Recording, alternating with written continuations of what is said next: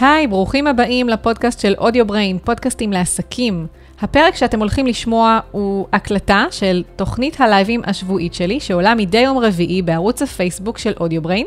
בכל לייב אני לוקחת נושא אחר שקשור בהפקת פודקאסט ואני מקדישה לו בין 20 דקות לחצי שעה. שם הפרק בפודקאסט הוא כשם נושא הלייב השבועי. את כל הקלטות הלייבים, פלוס סיכום כתוב של הנקודות העיקריות, תוכלו למצוא באתר של AudioBrain בכתובת audiobrain.co.il בתפריט וידאוים. אז אני מקווה שתהנו מהפרק ותפיקו ממנו ערך. ונעבור להקלטת הלייב. האזנה נעימה. ובוקר טוב, אנחנו בלייב נוסף של AudioBrain. אה, אני דנית בן דוד, אני היוצרת של הפודקאסטים, פודקאסט על עקבים, פודקאסט על יזמות ואימהות, ומאחורי המיקרופון, אה, שזה מאחורי הקלעים של פודקאסטים ישראלים. חוץ מזה, אני מלווה עסקים, חברות וארגונים בכל מה שקשור בתהליך הפקת הפודקאסט, והיום אה, אנחנו הולכים לדבר על מהו אורך אופטימלי לפרקי הפודקאסט. ולפני שאני אדבר ככה על הנושא, בואו נראה שנייה אחת. אוקיי. אוקיי. אז אני אגיד קודם כל למה החלטתי לדבר על הנושא, אבל לפני כן אני רק רוצה להגיד שיש, קודם כל שאתם מוזמנים לרשום לי בתגובות, אה, אם יש לכם שאלות אה, במהלך הלייב, ואז אני אתייחס אליהם בחלק של המענה על שאלות. ואני אציין שיש לי אה, אתר חברים, שאליו אני מעלה מדריכים, וזה בעצם אה, אתר סגור, אבל בהרשמה חינמית, אז אתם פשוט יכולים ל, אה, להיכנס לקישור, הוא נמצא מעל או מתחת לוידאו, להירשם לאתר ב... ללא עלות, ופשוט לקבל גישה למדריכים חינמים. חוץ מזה, כל הלייבים האלו עולים לאתר שלי, לאתר של AudioBrain. אה, כמו שאתם רואים פה על המסך, ובעצם שם גם מחכה לכם ההקלטה של הלייב, וגם סיכום מלא. הסיכום הזה שככה אני מכינה לפני, נמצא באתר, ואם אין לכם ככה כוח או זמן או חשק לצפות, אתם פשוט יכולים להיכנס ולעבור על הסיכומים. אוקיי, אז למה החלטתי בעצם לדבר היום על הנושא? אז, אה, אז קודם כל, כל הנושא הזה של אורך של פרקים בפודקאסט, מה אורך אופטימלי, אמ, כמה אה, בעצם אה, האורך צריך להיות אם מדובר בפודקאסט שהוא ראיון, אם אני מקליטה לבד, זו שאלה שחוזרת על עצמה, באמת, באמת, אני חושבת שבכל שיחת ייעוץ, אה, ליווי, או בכל, בכל פעם שככה יוצא לי לדבר עם אנשים לגבי, שרוצים להתחיל פודקאסט, אחת השאלות הנפוצות זה העניין של האורך. אז החלטתי ככה באמת לאסוף את כל הטיפים שלי, והתובנות שאני צברתי, וגם כמובן מככה מעקב אחר, אה, אחר פודקסטרים אחרים ומשיחות עם לקוחות, ובאמת ככה לרכז לכם אותם במקום אחד. אז אני כמובן, אה, בעצם נתחיל, דבר ראשון, האם יש דבר כזה אורך אופטימלי לפרקים? אחר כך, טיפים לאורך של פודקאסט בפורמט ראיון. אחר כך אני אתן טיפים לאורך של פודקאסט סולו. אני אדבר לאחר מכן על האם לפצל את פרקי uh, הפודקאסט הארוכים, אם יש לכם פרקים שהם ארוכים במיוחד. Uh, לאחר מכן אני אדבר על איך תדעו מתי המאזינים שלכם נוטשים את הפרק, שכל הנושא של סטטיסטיקות הוא משהו שממש מרתק uh, ומסקרן אנשים, וגם הרבה לא כל כך יודעים איך סטטיסטיקות של פודקאסטים עובדים. לאחר מכן אני אדבר על, uh, אני אתן מענה לשאלות של צופים, יש שתי שאלות ואני כבר רואה כאן עוד שאלה. ולאחר מכן אני אסכם את הנושא ואני אדבר איתכם על מושג השבוע, שזו פינה חדשה, כבר שבוע רביעי. בכל שבוע אני מדברת על מושג אחר מעולם הפודקאסטים, והיום אני אדבר על מה זה clipping, שזה מושג מאוד מאוד חשוב, יכול לשפר לכם, אה, ההבנה והידיעה איך למנוע clipping, יכול לשפר לכם משמעותית את איכות הסאונד. אוקיי, אז שאלת השאלות, קודם כל, האם יש דבר כזה אורך אופטימלי לפרקים? ואני אגיד קודם כל חד משמעית שלא, אין דבר כזה, אורך אופטימלי. אמ, אבל כן כדי להבין מה אורך הפרקים שמתאים לכם, לפודקאסט שלכם, אז יש כמה שאלות שאני ממליצה לכם לשאול את עצמכם וככה לעשות עם עצמכם איזשהו סיעור מוחות ולענות על השאלות האלו, ואז אתם תוכלו ככה לדעת הרבה הרבה יותר טוב לאן, לאיזה כיוון אתם הולכים מבחינת האורך. אז השאלה הראשונה זה כמובן, מה הפורמט של הפודקאסט? אם אתם עושים פודקאסט לבד, פודקאסט סולו, אז מן הסתם שסביר להניח שהפרקים הם יהיו קצרים יותר מאשר אם אתם הולכים ועושים תוכנית ראיונות, שבה אתם מראיינים כל פעם מישהו אחר. Uh, כמובן, כשיש שיחה בין שני אנשים, או כמובן יותר, אז uh, כל אחד רוצה להציג את הדעה שלו, יש כאן איזושהי שיחה שמתנהלת, הווייבים שלה uh, והאנרגיות שלה הם, הם פשוט, הן אחרות, מאשר אם אתם יושבים לבד מול מיקרופון, ופשוט uh, ככה מדברים ו- ומקליטים איזשהו uh, טקסט uh, או, או, או, או מקריאים, או כמובן מדברים בצורה שוטפת, איזשהו תוכן מקצועי שאתם רוצים להעביר, או לא תוכן מקצועי, לא, לא חובה. אבל עדיין ההתנהלות היא שונה, האנרגיות היא שונה, ומן הסתם הדבר הראשון שאתם צריכים לדעת עם עצמכם, מה הפורמט של הפודקאסט. דבר נוסף, זה כמה דוברים. אם אתם רוצים uh, לראיין אנשים, אז כמה דוברים הולכים להיות. מן הסתם, אם מדובר ב... פאנל שבו יש אה, נניח אה, שלושה ואפילו ארבעה, יש גם פודקאסטים ש, שיש אה, ארבעה אנשים אפילו, שמדברים, ש, שבעצם מקליטים ביחד פרק, זה הופך ונהיה יותר ויותר נפוץ. אז מן הסתם, שפרק כזה צריך להיות ארוך יותר מאשר פודקאסט לבד, או מאשר פודקאסט שמקליטים שני אנשים, כי רוצים לשמוע מספיק את הדעות של כולם, רוצים שלכל אחד תהיה את ההזדמנות לדבר. שוב, זה לא חובה, אבל ההיגיון ככה אומר שמן הסתם הפרק כנראה יצא ארוך יותר.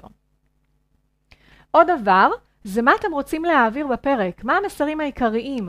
אם למשל מדובר בריאיון מקצועי, אז יכול להיות שאפשר, אני עוד מדבר על זה בפודקאסט בפורמט ראיון, על אורך אופטימלי, אבל אה, על, על ההמלצות שלי, אבל אם למשל אתם עושים איזשהו ראיון, ראיון מקצועי, או רוצים להעביר איזשהו ידע מקצועי, אז יכול להיות שלעשות את ה... אה, פרק באורך של נניח רבע שעה, 20 דקות, אם זה שני אנשים אז נניח חצי שעה, יכול להספיק.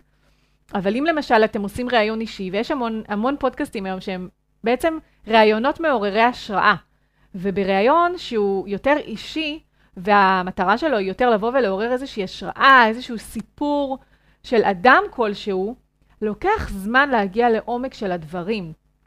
לוקח גם זמן לצד השני להיפתח ובאמת באמת להרגיש איתכם בנוח ולשתף אתכם. וגם לוקח זמן לכם להתחמם ואולי להעז קצת יותר לשאול שאלות עומק. אז uh, מן הסתם חשוב שתבינו מה אתם רוצים להעביר בפרק. Uh, גם כמובן, אם זה פודקאסט סולו, אז מה הנקודות שאתם רוצים לדבר עליהן? למשל, אם שנייה אחת נקביל את זה ללייבים שאני עושה, אז כשאני יושבת לכתוב את הנקודות, ואני מתייחסת לזה באותה צורה, כשאני יושבת לכתוב את הנקודות לפרק, לנושא, אז אני מתחילה מהנושא הראשי, אחר כך אני כותבת לי את תתי הכותרות, ובתוך uh, כל תת כותרת אני כותבת את הבולטים. ואז אני יודעת להעריך פחות או יותר כמה זמן הולך לקחת הפרק הזה. ואם למשל אני רואה שהפרק uh, צפוי להיות ארוך מהרגיל, uh, כי אני רואה שיש לי המון המון המון תוכן, וזה גם משהו שכבר קרה, אז אני משתדלת למצוא איזושהי זווית, ואולי לפצל את זה לשני פרקים אחרים, אה, או לגעת בנושא מסוים מכיוון שונה, זה כמובן תלוי. אז אה, מאוד מאוד חשוב שתדעו מה אתם רוצים להעביר בפרק, כדי שתוכלו להעריך את הזמן. דבר נוסף זה מה המאזינים שלכם מעדיפים. עכשיו, אם זה פודקאסט חדש, אז כמובן שיכול להיות שעדיין אין לכם אה, מספיק מאזינים, אה, וכמובן אין לכם עדיין סטטיסטיקות, אבל אם למשל כבר יש לכם ככה אי, אילו פרקים שפורסמו. אתם יכולים לגשת לסטטיסטיקות, ואנחנו נדבר על זה. אתם לא חייבים אה, ללכת וממש לשאול את המאזינים, כי סביר להניח שלכל אחד תהיה דעה שונה, וזה אפילו יבלבל אתכם יותר. אתם פשוט יכולים לגשת לסטטיסטיקות ולראות איזה פרקים המאזינים שלכם העדיפו יותר, אה, וממש ממש יש, יש אפילו נתונים יותר ככה לעומק שחלק מהפלטפורמות אה, מציעות, ואני אדבר על כך בהמשך. אבל זו גם שאלה שאתם צריכים לשאול את עצמכם, אה, מה המאזינים שלכם מעדיפים.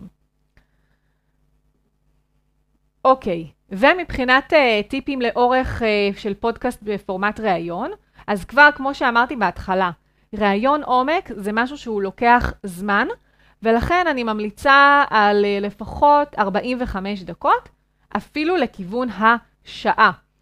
כי כמו שאמרתי מקודם, לפעמים, ויש סיכוי טוב שחלק מהמרואיינים שלכם, אתם לא מכירים אותם. ואתם בעצם פוגשים אותם בפעם הראשונה, ולוקח לאנשים, א', זמן להתחמם, זמן להיפתח אליכם.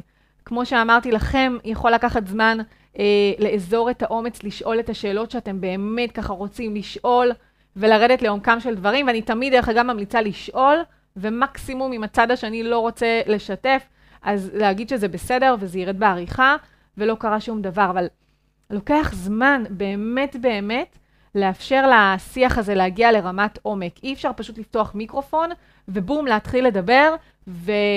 ולצפות שתוך אה, רבע שעה, 20 דקות, יהיה פה מספיק, אה, מספיק חומר אה, שהוא באמת באמת ככה עמוק ומעורר השראה.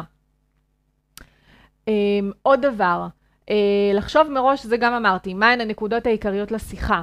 זאת אומרת, יש כמובן כמה גישות. יש את הגישה ש... של אה, אנשים שאוהבים לבוא ולעשות באמת את המחקר, ו...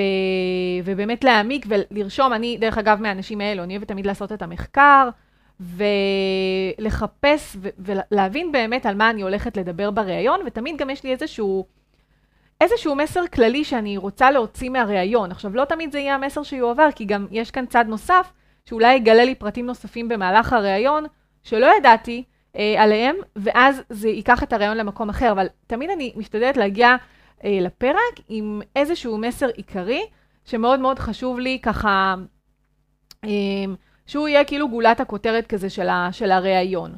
אז, אה, ויש כמובן את הגישה שאומרת ש...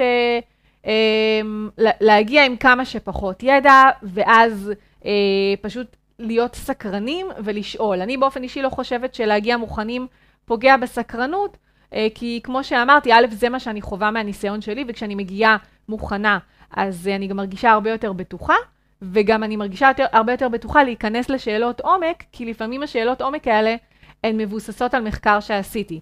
אז זה שתי גישות שונות, אה, וכל אחד כמובן אה, שיתנסה עם מה שמתאים לו ויישאר עם המחקר, רמת המחקר שמתאימה לו.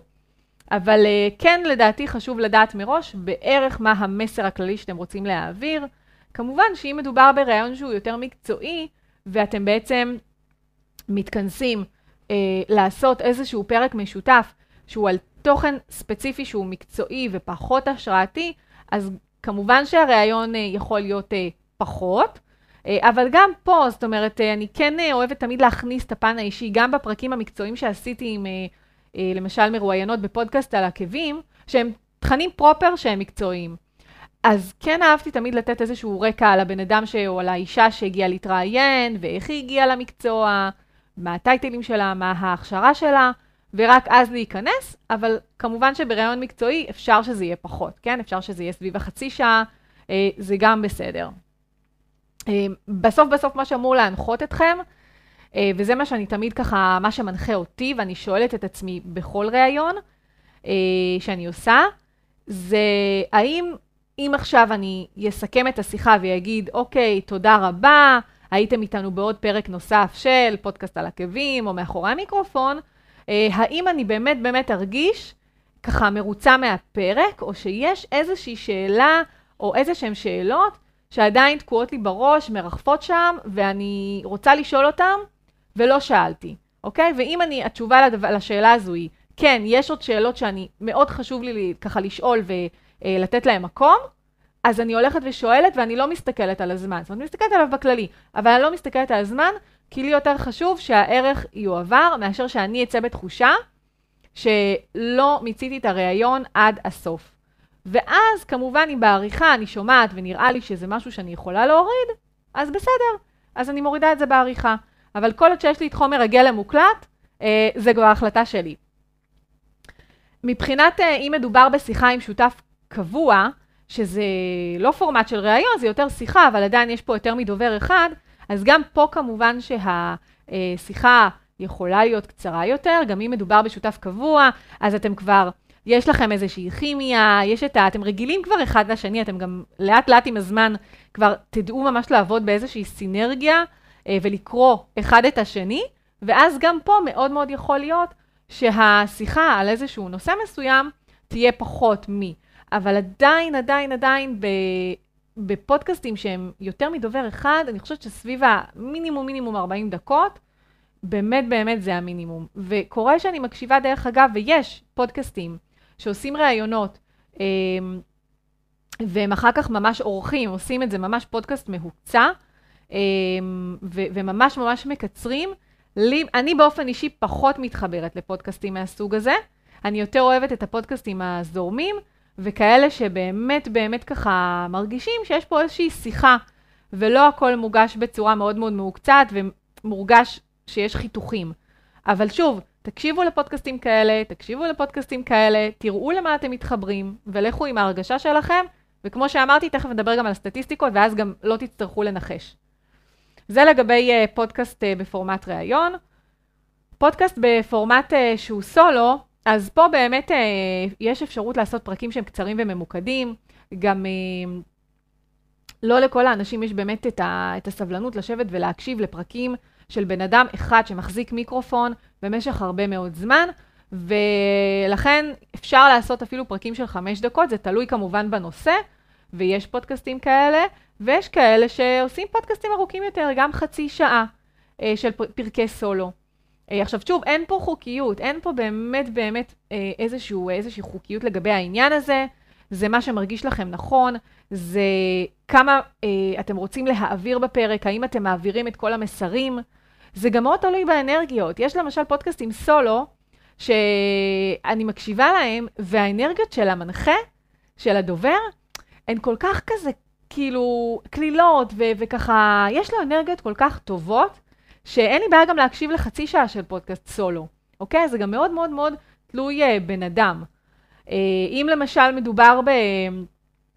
במישהו, אם למשל יש לכם קהילה מאוד מאוד גדולה, שעוקבת אחרי התכנים שלכם, למשל אתם עושים לייבים, ואתם, הלייבים שלכם למשל הם סביב החצי שעה, ואתם, יש איתכם המון המון אנשים, ואתם רואים המון המון תגובות, אז יכול להיות שיותר מתאים לכם גם לעשות את הפודקאסט באותו סגנון, כי כבר יש לכם קהל עוקבים, ואתם יודעים שגם כשאתם עושים uh, לייבים ארוכים, אז אנשים מאזינים לכם.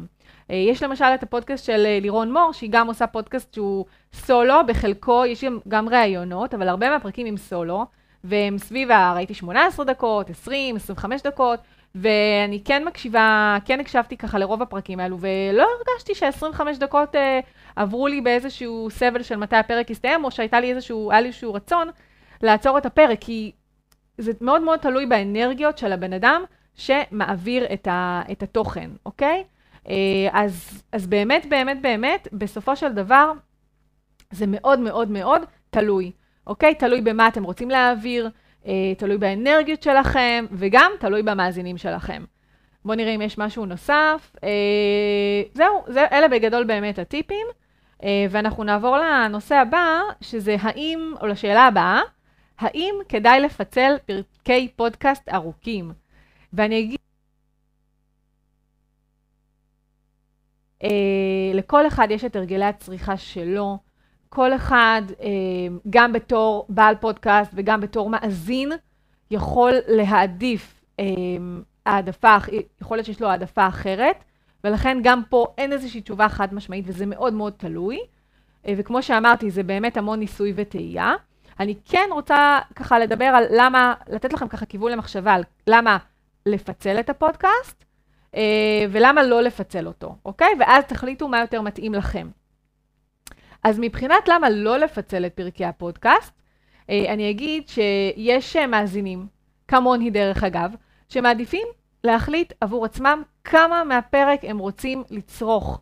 זאת אומרת, אני פחות אוהבת שמחליטים עבורי ומפצלים עבורי את הפרק, אוקיי? במיוחד אם הפרק קצר באיזשהו קטע שהוא סופר סופר מעניין, ואז אני צריכה לחכות, סתם לדוגמה, לשבוע הבא. אלא אם כן אתם מפצלים ומעלים אותו אחד אה, ב- ביחד, אז זה בסדר. ואז אני יכולה להחליט שאם אני רוצה להמשיך ויש לי זמן להקשיב וזה מעניין אותי, אני יכולה לעבור ישירות לחצי השני.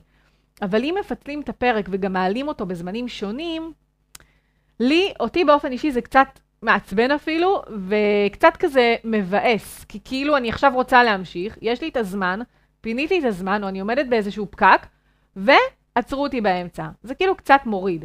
אז אני... את הפרקים. חוץ מזה, אפליקציות הפודקאסטים אה, יודעות לשמור לכם את הנקודה האחרונה, שבעצם אה, הדקה האחרונה ממש שהאזנתם לה. וזה אומר שבפעם הבאה שתיכנסו שוב לאפליקציה ותעשו play, אתם תמשיכו לנגן את הפרק בדיוק מאותה נקודה. וזה יתרון מצוין, כי אז אני יכולה להאזין לפרק שהוא אפילו שעה וחצי או שעתיים, וסתם לדוגמה, אם אני עכשיו יודעת שיש לי פקק של שעה בדרך לאיזשהו מקום, לפגישה או לאנשהו, ואני יכולה להקשיב כרגע רק לשעה, אז אני עושה stop, ובחזור הביתה אני מקשיבה לה, אה, למה שנשאר מהפרק.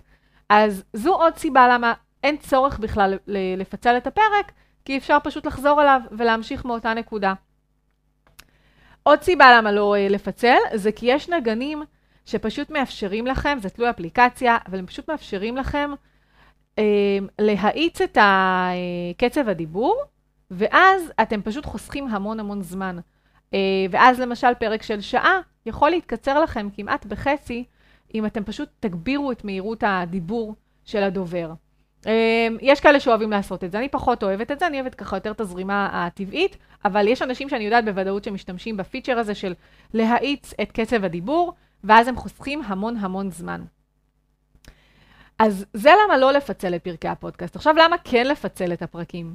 אז למה כן לפצל? אז קודם כל, זה יכול להיות שזה מראש ירתיע מאזינים, להאזין לפרק שלמשל, אם תסתכלו באפליקציה, אה, אז רשום, יש בחלק מה, מהאפליקציות, רשום לכם באמת ממש כמה אה, זמן הפרק, מאוד, מאוד בבירור, ואז אם הם יראו סתם לדוגמה פרק של שעתיים, הקצנתי, למרות שיש גם פודקאסטים שעושים פרקים כאלו, או שעה וחצי, יכול להיות שזה ירתיע אותם, אוקיי? מהצד השני, כמו שאמרתי, לדעתי יש הרבה יותר יתרונות למה לא לפצל. אבל בכל זאת זו נקודה שכדאי לקחת בחשבון. אה, עוד משהו זה אם הנושא מאוד מאוד רחב, למשל אתם יושבים ומכינים לכם את התכנים לפרק, ורואים שיש לכם באמת, באמת ככה המון מה לדבר. לפעמים עד שיושבים, עד שלא יושבים וממש אה, מתחילים לעשות איזשהו סיור מוחות, לא מבינים באמת עד כמה יש לדבר על נושא מסוים, זה קורה לי לפעמים. אה, אז, אה, אז יכול להיות שאז דווקא שווה לעשות איזושהי סדרה, ופשוט לדבר על נושא מסוים ולעשות סדרה בת כמה פרקים, שכל פרק ידבר על תת נושא מסוים, אוקיי?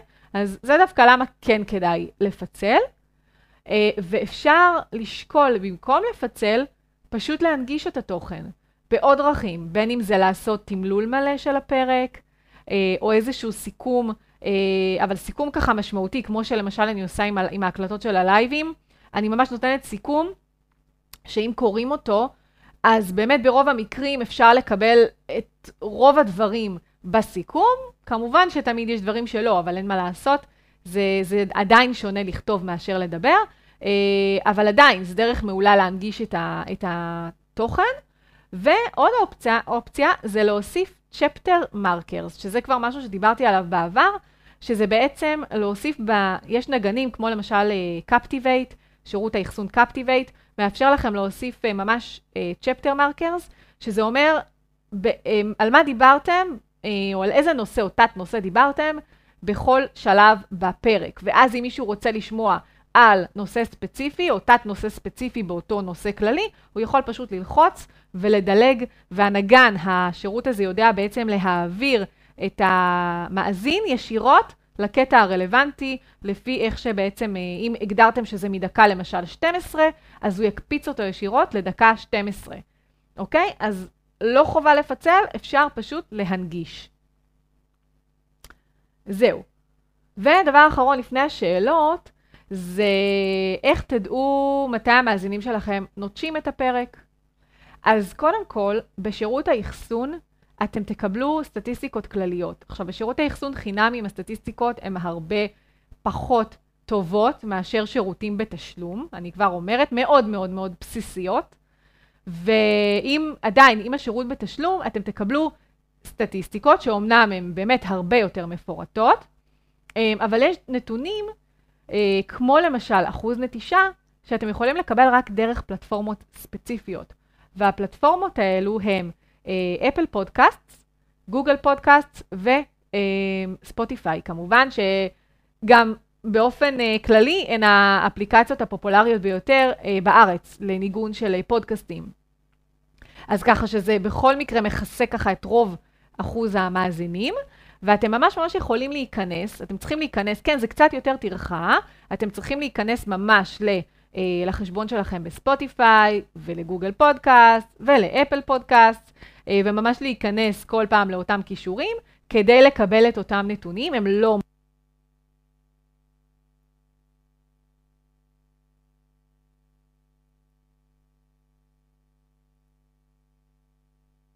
בכל פרק, אתם יכולים לראות, לעשות אפילו השוואה בין פרקים אה, לאורך זמן.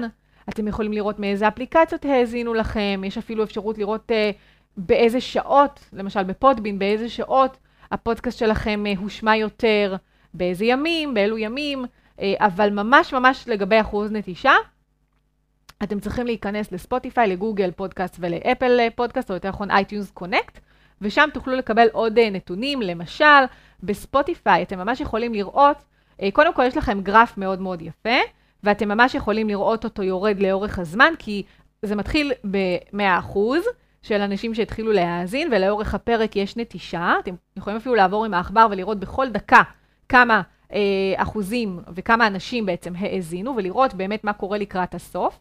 אתם יכולים לראות כמה אנשים השלימו את הפרק עד הסוף, ממש. כמה אנשים נטשו לאורך הפרק, אפילו בספוטיפיי זה ממש אה, שליש ראשון, כמה האזינו שליש שני ושליש שלישי, כמה נשארו ממש עד השליש השלישי באחוזים. אתם יכולים לראות כמה אנשים נרשמו כסאבסקרייברים או כמנויים מתוך הפרק שהם האזינו. Uh, מה עוד אתם יכולים? אתם יכולים לראות ממוצע ב-iTunes Connect, למשל. אתם יכולים לראות uh, משך האזנה פר מכשיר, אתם יכולים לראות ממוצע צריכה של הפרק, שזה קצת tricky, כי זה ממוצע, שזה לא כל כך נתון, אה, הוא מושפע מאוד מהקצוות, אבל עדיין זה מדד כלשהו. אה, סך הכל שעות האזנה לפרק, למשל, אם היה לכם פרק של שעה, וסך הכל שעות ההאזנה היה שעתיים, אז כאילו זה קצת מעט מאוד. אבל אם אתם עושים פרקים של רבע שעה והיה לכם חמש שעות האזנה, אז זה וואו, כאילו זה מצוין. אה, וזה באמת מאוד מאוד אינדיבידואלי. ולמשל, אה, בגוגל פודקאסט אתם יכולים לדעת באופן כללי כמה מתוך הפרק הוא הזן, אה, הזן, זה נשמע יותר טוב באנגלית, באחוזים. ובאמת בספוטיפיי זה הכי הכי, אני חושבת הכי הכי מפורט. אז פשוט תיכנסו ותראו, זה מאוד מאוד ברור, הנתונים שם מאוד מאוד מאוד ברורים. אמ, זהו, אז זה באמת ככה מבחינת איך תדעו מתי המאזינים שלכם נוטשים את הפרק, וכמו שאמרתי, אין צורך לנחש שום דבר, פשוט להיכנס ולמשל לקחת אה, ככה כמה פרקים אחרונים, אה, ובאמת ככה לנסות לנתח ולהבין איזה פרקים אנשים יותר מעדיפים ומה האורך, זה לא ייתן לכם שוב חד משמעית, אבל זה כן יכול לתת לכם איזשהו מדד, ואם יש לכם איזושהי קהילה שעוקבת אחריכם, אתם כמובן יכולים גם לשאול אותה ולקבל עוד תשובות ועוד ככה אה, איזושהי התרשמות כללית. אז זה ככה באמת בגדול.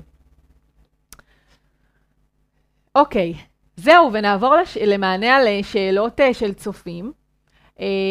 אז גם בהקשר של הפרק, אני, דרך אגב, כל שבוע לפני, משהו כמו יום-יומיים לפני ה, אה, שאני ככה, אה, לפני הלייב, אני מעלה איזשהו פוסט בעמוד של Audio Brain בפייסבוק, ואני רושמת מה הולך להיות הנושא של השבוע, של הלייב השבועי, ובאותו פוסט אתם יכולים פשוט להגיב ולשאול אותי שאלות, ואז השאלות שלכם יופיעו בצורה ככה חמודה על המסך, כמו שתכף אה, זה יוצג, ואז אני גם עונה על השאלות שלכם. אוקיי? אז אה, אם אתם תעקבו אחרי העמוד בפייסבוק, תוכלו אה, לעקוב על, אחרי הלייב השבועי, מה הנושא שלו, וגם לשאול שאלות. אז נתחיל ככה עם השאלה הראשונה, וזו שאלה, טוב, זו שאלה שהיא באמת קצת יותר כללית, ואני די עניתי עליה ככה לגבי הסטטיסטיקות. זו שאלה של מיכל אבן, והיא רשמה, אני רק רוצה לחזק את הנקודה שכתבת, ואיך ניתן לדעת בסטטיסטיקות אחרי כמה זמן המאזינים נוטשים את הפרק. ממש אשמח לשמוע וללמוד על העולם הנסתר של הסטטיסטיקות, איפה להסתכל, מה הן אומרות, מה הן לא יודעות להגיד וכולי. תודה רבה. אז אני מקווה שמה שאמרתי מקודם, אני לא רוצה לחזור על עצמי שוב, אבל uh, ככה, באמת כל העניין של הסטטיסטיקות, אני אגיד ככה עוד כמה, כמה מילים לגבי העניין הזה, מעבר למה שאמרתי, הסטטיסטיקות בפודקאסטים הן לא כל כך, uh, הן לא כל כך ברורות עד הסוף. אה, מדובר קודם כל בהורדות ולא האזנות, זאת אומרת, לא ניתן לדעת במאה אחוז שכל מי שלחץ על פליי אכן האזין לכל הפרק, וגם, זאת אומרת, אם סתם לדוגמה הוא נכנס, מישהו נכנס היום ולחץ על פליי, ועצר ונכנס בעוד יומיים ולחץ שוב על פליי, זאת אומרת, זה, זה נספר כפ... זה כאילו נספר פעמיים כהאזנה אה, יוניקית, כאילו ייחודית, אוקיי? כי בעצם הוא נכנס בהפרש של יומיים, בדרך כלל אה, ההאזנה יוניקית, כאילו הייחודית, היא נשמרת ל-24 שעות. זאת אומרת שאם הוא ייכנס עוד כמה ימים, אותו בן אדם, אה, או למשל ממכשיר אחר, זה ייספר פעמיים. אז הסטטיסטיקות הן לא אה, סופר סופר אה, מדויקות, אה, אבל כמו שאמרתי, אם נכנסים לספוטיפיי ולגוגל ול iTunes Connect, אתם כן יכולים לקבל סטטיסטיקות יותר מדויקות, וגם אפשר, יש ממש אה, בחלק, אה, בספוטיפיי בוודאות, לא שמתי לב, אני חושבת שגם באפל ובגוגל, פשוט לעמוד וזה ממש מסביר לכם מה הסטטיסטיקה שאתם בעצם מקבלים, מה המשמעות של אותה סטטיסטיקה, אוקיי? אז, אז זה ממש ממש בגדול. ו... וזהו, ושוב, כמובן שאם את רואה אלפי האזנות, אז כן סביר להניח שבסופו של דבר אנשים כן מאזינים, ולא רק לוחצים על play ו stop ומפסיקים להאזין, כי עדיין יש פה כמות מאוד גדולה, אוקיי? ואם זה גם משהו שהוא סיסטמטי ואת רואה אותו חוזר על עצמו, כל פרק את רואה פחות או יותר את אותו מספר, או את רואה איזשהו גידול, זה סימן מצוין, אוקיי? אבל ממש ממש לקבל נתונים סופר סופר מדויקים, אנחנו עדיין, עדיין זה לא שם. אז אני מקווה שעניתי ככה עד כמה שאפשר, אמ, כי זה באמת ככה סוטה קצת מהנושא של הפרק. ודבי שואלת, דבי קצב שואלת, אה, השאלה שלי, האם יש משמעות אם אורך הפרקים משתנה דרמטית? אחד ארוך, נניח ראיון בן שעה, אחד סולו קצר, 15-10 דקות, ללא סדר מסוים, כלומר, אפשר שיהיו שני פרקים ארוכים, ואז שלושה קצרים, שוב ארוך, שוב קצר וכולי. אז במקרה, תראי, אני אגיד לך את האמת, אני ככה באמת ישבתי וחשבתי עם עצמי, ובאמת רציתי לענות איזושהי תשובה שהיא יותר מסתם להגיד, זה לא חד משמעי. אמ, ואני חושבת שזה, אני חושבת שזה קצת מורכב. אני באופן אישי, וגם מפודקאסטים שאני עוקבת אחריהם, אני חושבת שאין לזה משמעות מטורפת. זאת אומרת, זה לא שאם את תעלי כמה פרקי סולו, ואז ראיון, ואז שוב סולו, ואז שוב ראיון, זה יהיה כאילו משהו שהוא קריטי, במיוחד אם יש לך כבר כמות נכבדת של פרקים, ואז אנשים יכולים לחזור אחורה ולבחור באמת את הפרקים שמצאו חן בעיניהם.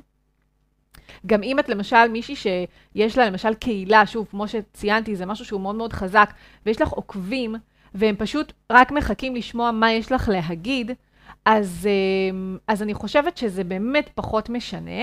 שוב, אני גם נתתי את הדוגמה למשל של לירון מור, שבפודקאסט שלה יש uh, כמה פרקי סולו, אחד מהם 18, אחד מהם 20, 25, ופעם בכמה פרקים, אני בינתיים לא שמתי לב שיש איזושהי סיסטמטיות שחוזרת ממש מבחינת תבנית קבועה, אבל כל כמה פרקי סולו יש איזשהו ראיון שהיא עושה.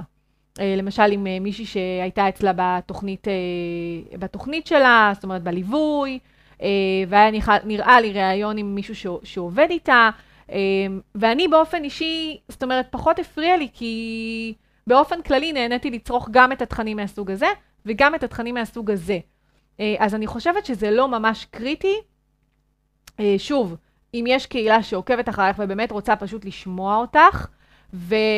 וגם אם יש לך כמות מאוד גדולה של פרקים, ואז באמת כל אחד יכול לבחור. אני כן חושבת שהכי הכי רלוונטי, זה, הכי חשוב זה הרלוונטיות, זה העניין, זה אה, באמת באמת לתת את הערך, ו, אה, וככה, למשל, אה, אה, ככה לי חוט המחשבה, למשל שהתוכן באמת יהיה רלוונטי ויעניין את קהל היעד, אוקיי? וחלק מזה זה גם אה, לבחור כותרות. שהן ענייניות, כותרות שהן באמת מספרות על מה הפרק מדבר, שכשאני הולכת ובוחרת פרק, למשל, אני, אני דבר ראשון קוראת את הכותרת, אם זה לא מספיק לי, אני נכנסת וקוראת את התיאור של הפרק, שזה גם מופיע באפליקציות. כל מה שאתם בעצם, כשאתם מעלים פרק חדש בשירות האחסון, יש לכם מקום לכתוב את התיאור של הפרק, אז אותו תיאור שאתם כותבים שם, הוא התיאור שנשתל אחר כך באפליקציות. אז אני ממש נכנסת וקוראת את התיאור הזה. ואם זה מעניין אותי וזה רלוונטי לי, אז אני הולכת וממשיכה לפרק.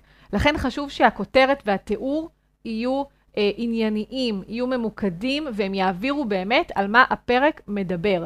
וכמובן שאם מדובר בריאיון, אז גם לציין את שם המרואיין, שאני אבין מראש שהולך כנראה להיות איזשהו פרק שהוא שונה, נניח, מהרגיל, אם הפרקים שלי הם בעיקר סולו, וגם מבחינת האורך, כן? כי אם אני למשל מסתכלת אה, באפליקציה ואני רואה אה, שהפרק הזה הוא 20 דקות, 18 דקות, 25 דקות, פתאום אני רואה פרק של שעה, אני רואה שמדובר בראיון, אז אני אומרת, אה, אוקיי, בסדר, זה ראיון, הגיוני לי שזה יהיה שעה, אוקיי?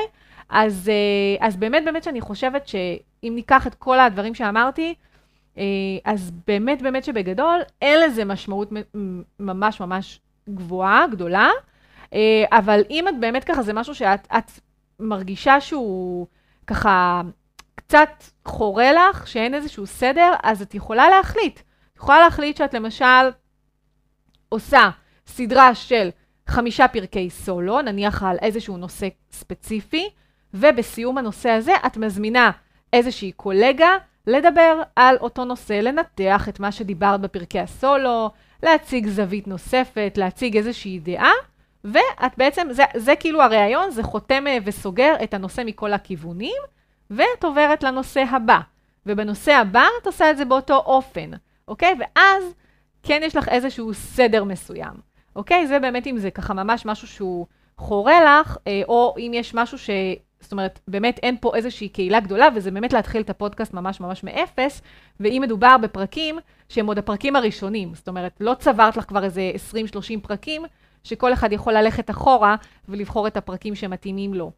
אה, אז אני ממש ממש מקווה שעניתי לשתיכן, אה, ואני אשמח כמובן לשמוע בתגובות, ובואו נראה אם יש לנו כאן עוד שאלות. וואו, איזה לייב ארוך. אוקיי, אה, אז רק דבי ומיכל, אני אשמח שתרשמו לי בתגובות, אם אהבתן, או אם זה ככה עזר לכן. ויש כאן עוד שאלה שכרמל רושמת, בוקר טוב דנית, אשמח לדעת, האם לדעתך אורך הפרק המומלץ משתנה לאור השינוי בהרגלי השמיעה שלנו בזמן הקורונה, שאולי יש פחות נסיעות?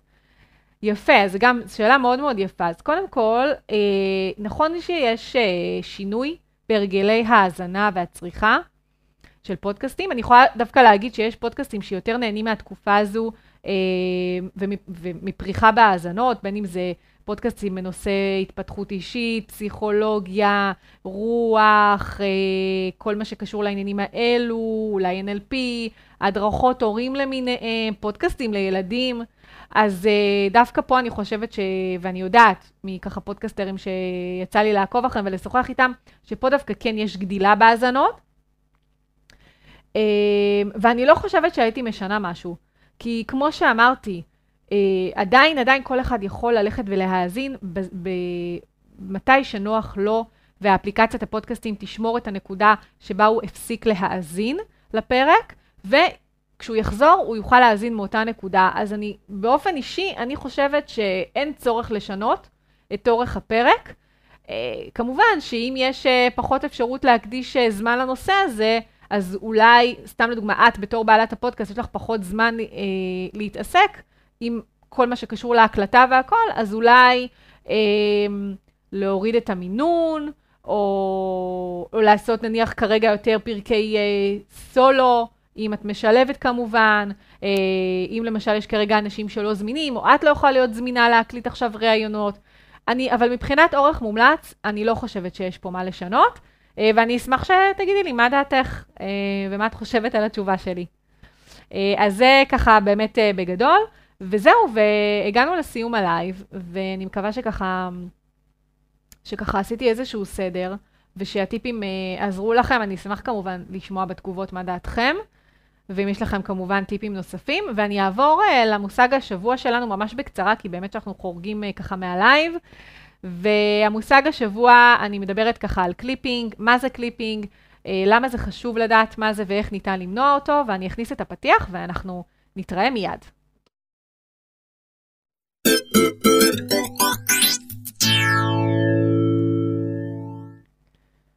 טוב, אז, אה, אז מה זה clipping? clipping זה מושג בעצם בסאונד, שהוא בעצם אה, אומר שיש איזשהו חיתוך של התדרים שלנו. זאת אומרת, כשאנחנו מפעילים את המיקרופון, מתחילים לדבר. אם העוצמה היא גבוהה מדי, אז אנחנו בעצם נתחיל לראות איזשהו, תכף אני אראה לכם איך רואים את זה, איזשהו חיתוך בתדרים, והחיתוך הזה בעצם גורם לאיזשהו distortion, לאיזשהו עיוות בקול שלנו. עכשיו, ככל שה clipping יהיה יותר אגרסיבי ויותר חמור, כך גם הקול שלנו יישמע יותר מעוות, יותר מתכתי, פחות אה, טבעי ו... ופחות ויותר צורם בעצם לאוזן. אה, עכשיו, למה כמובן חשוב למנוע את. את ה clipping הזה? כדי להעניק חוויית האזנה יותר נעימה. כמובן שאם ה clipping הזה הוא בנקודות ספציפיות, נניח באיזה שהם פיקים ספציפיים, אז אפשר להבליג על זה יותר, ואם ה clipping הזה הוא משהו שמתבצע לאורך כל הפרק בעקביות בגלל איזושהי טעות בהגדרות של השמע, של, ה, של העוצמה, של ה gain, אז מן הסתם זה יהיה הרבה יותר חמור ויהיה קשה יותר לתקן את זה. אז אמ, איך הוא בעצם נוצר, ה clipping הזה? הוא נוצר מהגברת עוצמת הסאונד לעוצמה גבוהה מדי. אוקיי? אני, לדוגמה, אקח פה את ה... יש לי, הכנתי מראש את המכשיר הקלטה שלי, אמ, ובעצם אתם יכולים לראות שיש כאן אפשרות, אני רגע אעביר את זה למצלמה למעלה. אתם יכולים לראות שיש פה כל מיני כפתורים, וזה בעצם כפתורי הגיין. עכשיו, במכשיר הזה, במכשיר ההקלטה, יש לכם את הגלגל הזה לכל ערוץ, 1, 2, 3 ו-1, 2, 3 ו-4, אוקיי? לפי הערוצים שאתם מפעילים. אם זה מכשיר, אם זה למשל ממשק אודיו, אז אה, יש לכם גם איזשהו כפתור, לא תמיד יש את המספרים, זה מאוד עוזר, אבל לא תמיד יש אותם, אמ, אבל אתם יכולים כן להנמיך ולהגביר. אם זה בתוכנה במחשב, יש לכם אה, ממש, למשל ב Audacity, את המיקרופון, ויש לכם כמו מין אה, scale כזה, אתם יכולים לה, להגביר ולהנמיך. וסתם לדוגמה, אוקיי, אני אניח את זה רגע. שנייה אחת. ואתם יכולים ככה להסתכל. שאם אני לוקחת את המיקרופון, כן, למה זה, רגע, אחד, אה, כן, כי זה על אפס, יפה, אוקיי. ראיתם מה זה? זה היה כאן, הגיין פה היה על אפס, תסתכלו פה על, ה, על הסולם הראשון, ברגע שמתחילה לעלות פה את העוצמה, זה, זה מתחיל להיות יותר חזק. עכשיו, שימו לב, זה גם מהבהב, וזה גם פה אדום, אוקיי? זה צועק clipping, אוקיי? זה לא אמור להיות ככה, גם להגביר את ה gain יותר מדי מכניס המון רעשים. אה, ואז לאט לאט אתם פשוט מתחילים להנמיך, אוקיי? עד שאתם מגיעים לעוצמה שהיא אמורה להיות, אוקיי? בין מינוס 6 למינוס 12, כשאתם מדברים בצורה יציבה, אוקיי? אה, ולכן גם כל, אה, צריך לעשות את ההתאמה הזו לכל דובר בנפרד. זאת אומרת, אתם צריכים לבדוק את עצמכם, לבדוק שכשאתם מדברים, אתם נמצאים בין מינוס 6 למינוס 12, וגם עבור כל אחד מהדוברים שלכם, אוקיי? אני יודעת שבדרך כלל אני מדברת מאוד גבוה, ולכן אני בדרך כלל נמצאת על חמש, אני כבר ישר מכוונת לי את זה, ואז אני הולכת לדוברים האחרים, נניח למרואיינות שלי, ומכוונת את העוצמה אה, עבורן. אוקיי, אז בעצם ככה בודקים את זה. אותו הדבר, דרך אגב, באודסטי, אתם פשוט, אה, או ב Adobe Audition, לא משנה, אתם יכולים לראות את ה clipping הזה. זה פשוט ממש מין אה, כזה signal כזה, וברגע שהוא מגיע לכיוון האפס, אוקיי, לאפס ומעלה זה כבר נחתך. אז אתם לא רוצים להיות במצב הזה, אתם רוצים להיות במינוס 6 למינוס 12. ולכן חשוב לכוון את העוצמה, אה, ועדיף שזה יהיה קצת יותר נמוך, למרות שמן הסתם זה גם ישפיע על, ה, אה, על העושר בעין של הקול, אבל עדיין עדיף שזה יהיה פחות מאשר שזה יהיה יותר. אה, אז זה באמת ככה בגדול, וככה אתם בעצם מונעים את ה clipping הזה מלכתחילה.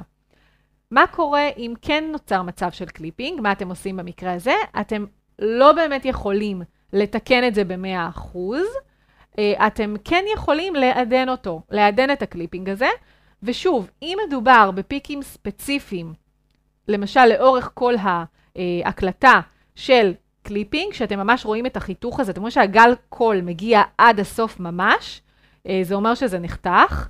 אתם יכולים לעשות, להפעיל קומפרסור, פשוט לעשות compression, שדיברתי על זה, זה מושג שדיברתי ב live הקודם, אה, ואז פשוט לקווצ'ץ' ככה את, ה, את הגל קול, ולעדן מעט את ה clipping הזה. אם קרה שזה לאורך כל ההקלטה, אתם עדיין יכולים להפעיל קומפרסור, אבל יש סיכוי אה, שוב, זה תלוי כמה ה clipping היה חמור, יש סיכוי שזה יישמע מתכתי ולא נעים לאוזן. יש גם תוכנות שעושות את זה בהקלטה עצמה, ממש במהלך ההקלטה, אבל אני לא אכנס לזה, כי זה באמת משהו שאני לא רוצה ככה להבהיל אתכם יותר מדי תוכנות, אבל יש תוכנת iZotope, אה, שבאמת במהלך ההקלטה כבר אה, עושה בעצם את, ה, את ההנמכה הזו ודואגת שלא יהיה clipping.